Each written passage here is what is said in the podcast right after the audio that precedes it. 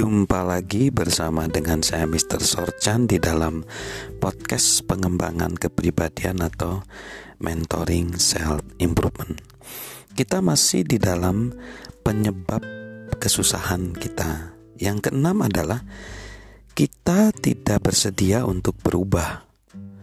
Mungkin musuh terberat dari prestasi, pertumbuhan pribadi dan kesuksesan adalah sikap tidak fleksibel ada orang yang nampaknya begitu cinta dengan masa lalunya hingga tidak dapat menangani masa sekarang. Beberapa waktu yang lalu, ada cerita mengenai 10 strategi utama dalam menangani kuda mati.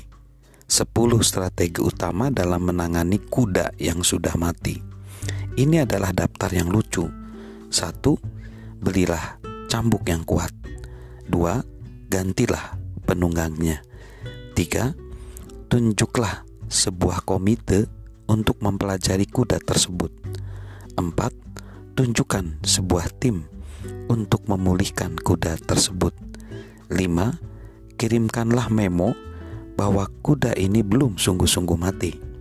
Enam, pekerjakanlah seorang konsultan mahal untuk menemukan persoalan yang sesungguhnya. Tujuh, gabungkanlah pelana beberapa ekor kuda mati demi kecepatan serta efisiensi. 8. Tulis tulis urang standar definisi dari kuda hidup.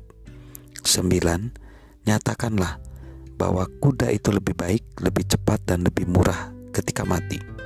10. Promosikanlah kuda mati itu ke posisi pengawas. Saya yakin saya bertaruh kepada kita semua pasti kita sudah pernah melihat bahwa seluruh solusi yang terjadi di tempat kerja kita kadang-kadang tidak ada satupun yang efektif. Jika kuda kita sudah mati, demi Tuhan, turunlah.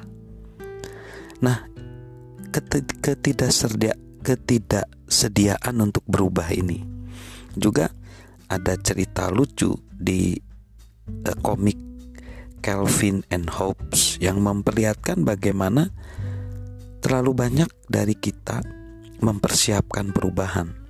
Calvin dan teman boneka harimaunya sedang mengebut menuruni bukit dengan keretanya.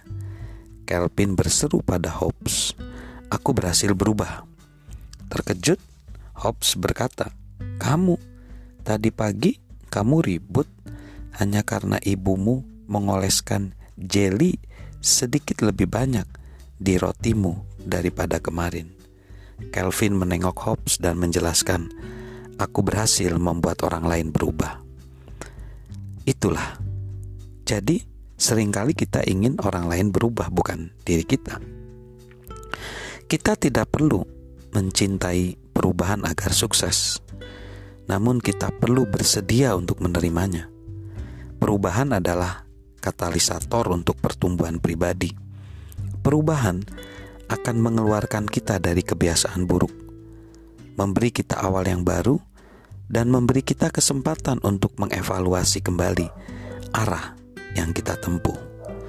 Jika kita menolak perubahan, kita sesungguhnya menolak kesuksesan. Belajarlah bersifat fleksibel atau belajarlah untuk menyukai hidup dengan kegagalan. Kegagalan. Yang ketujuh, cara berpikir jalan pintas atau cara berpikir cara instan. Hambatan umum terhadap kesuksesan adalah keinginan untuk mengambil jalan pintas menuju kesuksesan. Namun jalan pintas tidak pernah berhasil dalam jangka panjang. Seperti yang dikatakan Napoleon, kemenangan adalah milik mereka yang paling tekun. Kebanyakan orang cenderung meremehkan waktu yang dibutuhkan untuk mencapai sesuatu yang berharga. Namun, agar sukses, kita harus bersedia membayar harganya. James Watt menghabiskan waktu 20 tahun berupaya menyempurnakan mesin uapnya. William Harvey bekerja siang malam selama 8 tahun untuk membuktikan bagaimana darah beredar di dalam tubuh manusia. dibutuhkan waktu 25 tahun lagi untuk membuat komunitas medis mengakui bahwa ia benar. Mengambil jalan pintas merupakan tanda ketidaksabaran dan disiplin diri yang rendah. Namun, jika kita bersedia menindaklanjutinya, kita dapat mencapai suatu terobosan. Itulah sebabnya mengapa Albert Gray mengatakan, salah satu penentu kesuksesan yang umum adalah membiasakan diri melakukan hal-hal yang para pecundang tidak suka melakukannya. Jika kita terus-menerus tunduk pada suasana atau dorongan hati kita, maka kita perlu mengubah pendekatan kita dalam mengerjakan segala sesuatu. Metode yang terbaik adalah menetapkan standar pada diri sendiri yang menuntut pertanggungan jawab, mendapat balasan karena tidak menindaklanjuti akan membantu kita tetap di jalur yang benar. Begitu kita tetapkan standar baru, bekerjalah sesuai standar tersebut, bukan menurut suasana hati kita. Itu akan membantu Anda ke arah yang benar. Disiplin diri adalah kualitas yang dimenangkan lewat latihan. Psikolog Joseph Mankunsi mengatakan, orang yang benar-benar sukses telah belajar melakukan apa yang tidak alami.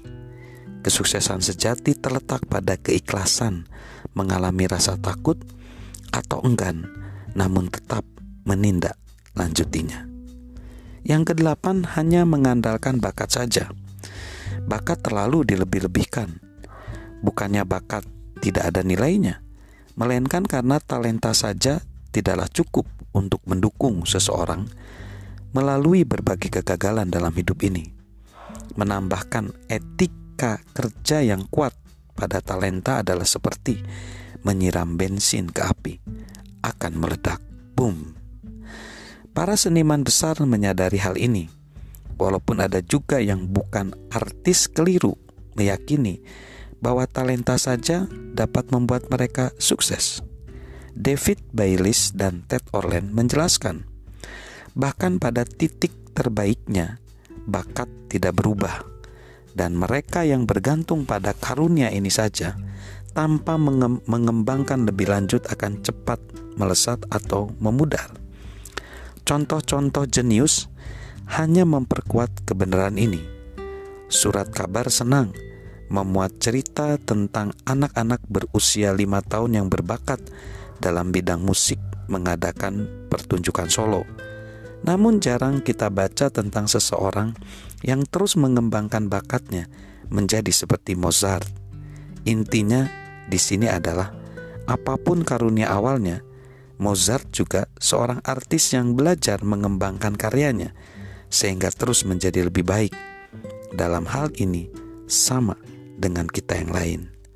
Semakin hebat talenta kita, semakin kita cenderung bergantung padanya dan terus-menerus berlatih untuk mengasahnya. Jika kita memiliki kecenderungan yang negatif ini, buatlah rencana pertumbuhan agar kita dapat memanfaatkan talenta yang Tuhan berikan sebaik-baiknya. Salam mentoring, salam sukses luar biasa dari saya, Mr. Sorchan.